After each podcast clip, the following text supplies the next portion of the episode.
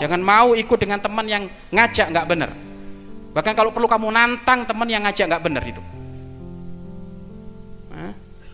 Nahi mungkar itu penting nak.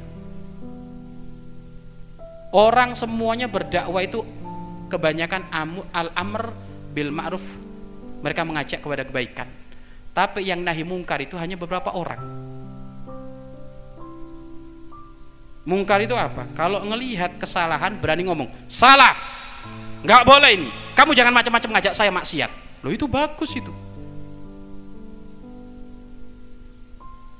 Selama ini kan kita sering melihat oh dakwah itu hanya ngajak kebaikan. Ayo sholat ayo jauhi ini ayo ini ayo ini ini. Perlu saat-saat nahi mungkar. Kalau ngelihat orang ngajak maksiat marah kita. Kurang ajar kamu ini. Ke pondok ngajak maksiat kamu iblis kamu. Bilang kayak gitu. Harus nahi mungkar kayak Umar harus berani kurang ajar kamu di pondok ngajak maksiat setan kamu sana keluar harus kayak gitu harus berani kayak gitu Hah? siapa pun itu yang di pondok ngajak maksiat sudah setan itu bilang itu keluarin aja sudah Hah? ayo siap nahi mungkar Siap? Jangan sampai nahi mungkar diambil golongannya FPI saja itu.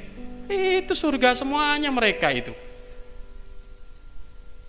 Kalau sudah dengar ada orang mabuk, paling datang itu, paling berani itu. Stop. Kalau nggak stop, besok tahu berabrik. Waduh.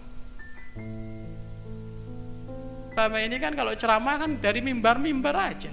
Tapi kalau mereka itu ceramahnya di tempat-tempat kubang kejelekan mereka datang itu nahi mungkar itu nak makanya kamu harus berani kamu jangan lemah nahi mungkar kamu pokoknya ada orang ngajak melakukan maksiat langsung. Setan ini